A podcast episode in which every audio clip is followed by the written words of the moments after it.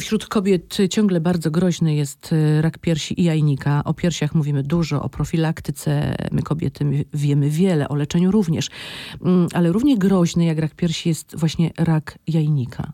Tak. Czym się objawia? E, rak jajnika przede wszystkim objawia się bólami podbrzusza. To jest pierwsza rzecz, e, która występuje.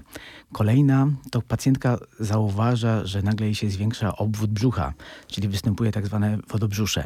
Niestety to są bardzo późne objawy. Nie ma na początku powstawania tego nowotworu takich objawów, które moglibyśmy... Jakichś charakterystycznych. Tak, bardzo łatwo wychwycić. Dlatego tutaj bardzo ważne jest y, to, żeby jednak często się badać, często wykonywać to USG ginekologiczne. Czyli właśnie podstawowe badania to USG ginekologiczne. Tak jest. I co jeszcze?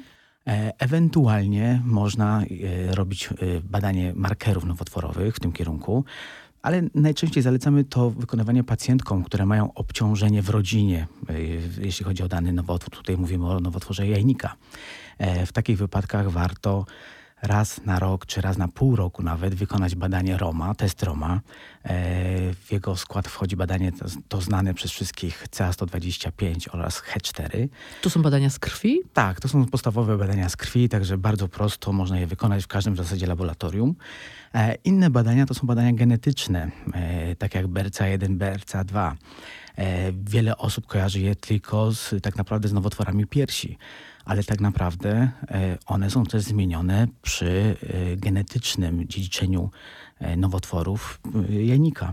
A jak wygląda leczenie raka jajnika? Leczenie raka jajnika jest stosunkowo trudne. Polega tylko na operacyjnym leczeniu, później ewentualnie wprowadzeniu chemioterapii.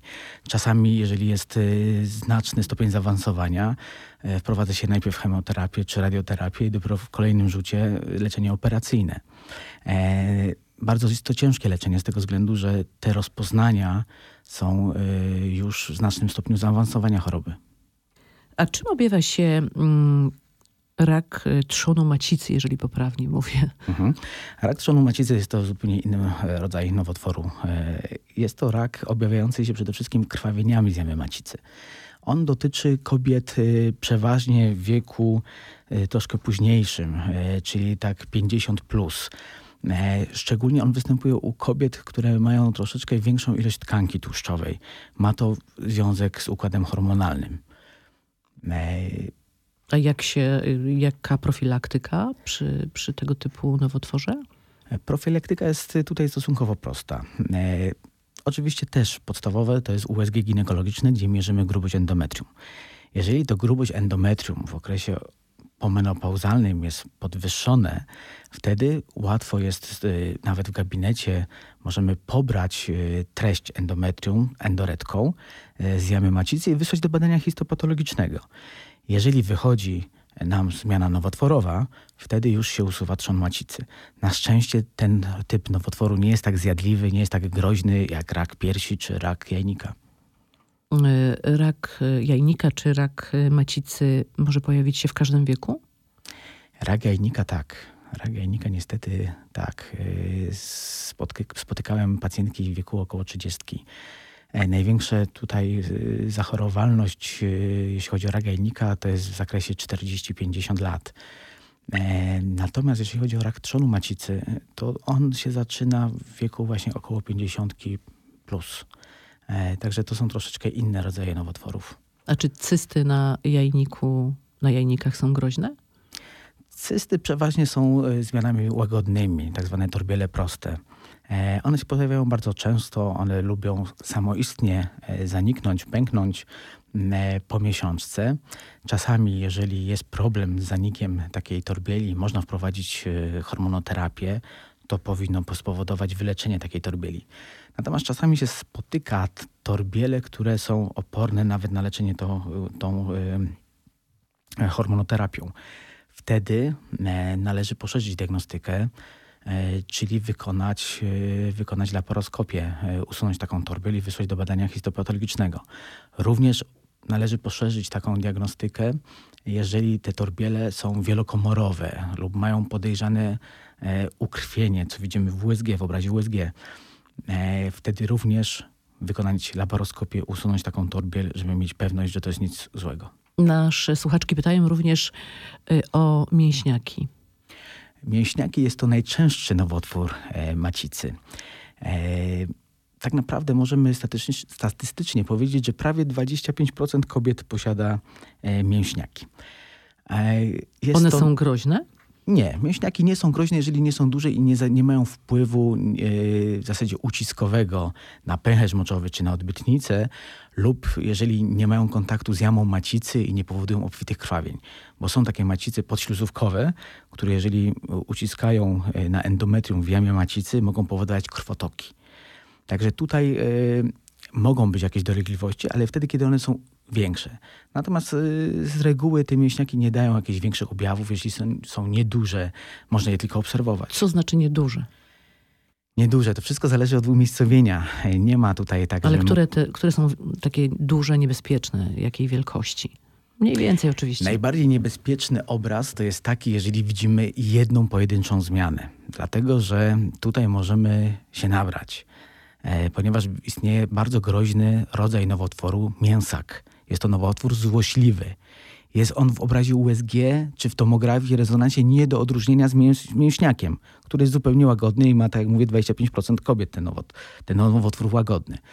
Mięsak e, jest bardzo złośliwy i niestety zabija. To jak go wykryć w takim razie? E, tylko tak- wycinając. Tak... Czyli wysyłając na badanie histopatologiczne. Jeżeli nie mamy pewności, czy to jest mięśniak, czy mięsak, należy taką zmianę usunąć i wysłać do badania no, ale histopatologicznego. to lekarz decyduje wtedy, tak, jeżeli ma jakieś podejrzenie. Jeżeli ma podejrzenie. A czy zatrzymanie miesiączki u nastolatek powinno zaniepokoić? Wszystko zależy od tego, na jakim podłożu. Jeżeli to jest na, podu, na podłożu e, psychologicznym, e, znerwicowania, no to należy otoczyć tego to dziecko po prostu opieką. Jeżeli e, jest to na e, podłożu e, problemów dietetycznych czy zaburzeń na podłożu psychologiczno-dietetycznym, jak anoreksja, bulemia, wtedy również należy się skontaktować z psychologiem. Jeżeli to jest na podłożu czysto anatomicznym czy, czy medycznym, no to na pewno warto skonsultować to z ginekologiem, sprawdzić, zrobić USG E, przez brzuszne lub przez odbytnicze, e, sprawdzić, czy tam nie ma jakichś torbieli e, na jajnikach, które również mogą powodować zaburzenia miesiączkowania. Jeżeli tutaj w tym zakresie jest wszystko czysto, spokojnie można odczekać, zobaczyć, co się będzie działo dalej. Jeżeli te miesiączki są nieregularne, to się powinno wszystko uspokoić. Natomiast jeżeli mamy za całkowity zanik miesiączek, wtedy należy poszerzyć diagnostykę hormonalną. Czy przypadkiem nie jest to zespół y, policystycznych jajników, który obecnie, tak jak zauważyłem w swojej praktyce, narasta ten problem. A ten problem niestety stwarza później bardzo duże trudności w zajściu ciąży u tych dziewczynek. A czy jest jakaś profilaktyka, czy możemy tak powiedzieć, jakaś ogólna, nie wiem, zdrowy tryb życia, pewno mi zaraz pan powie, żeby uniknąć y, nowotworów, jeżeli nie jesteśmy oczywiście obciążeni y, rodzinnie, genetycznie?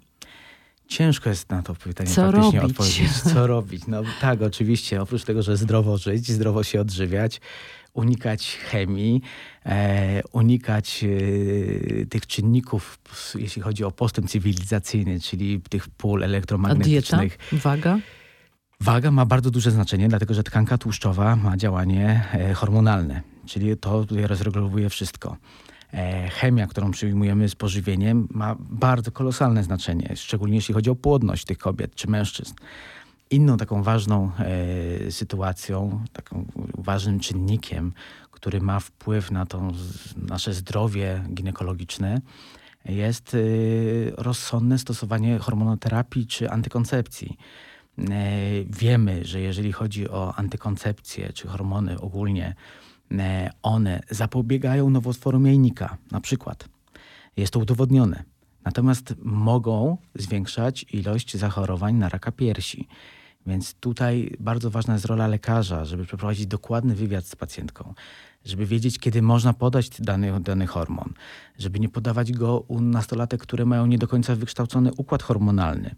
E, żeby racjonalnie stosować te hormony, tą antykoncepcję, nie w sposób ciągły.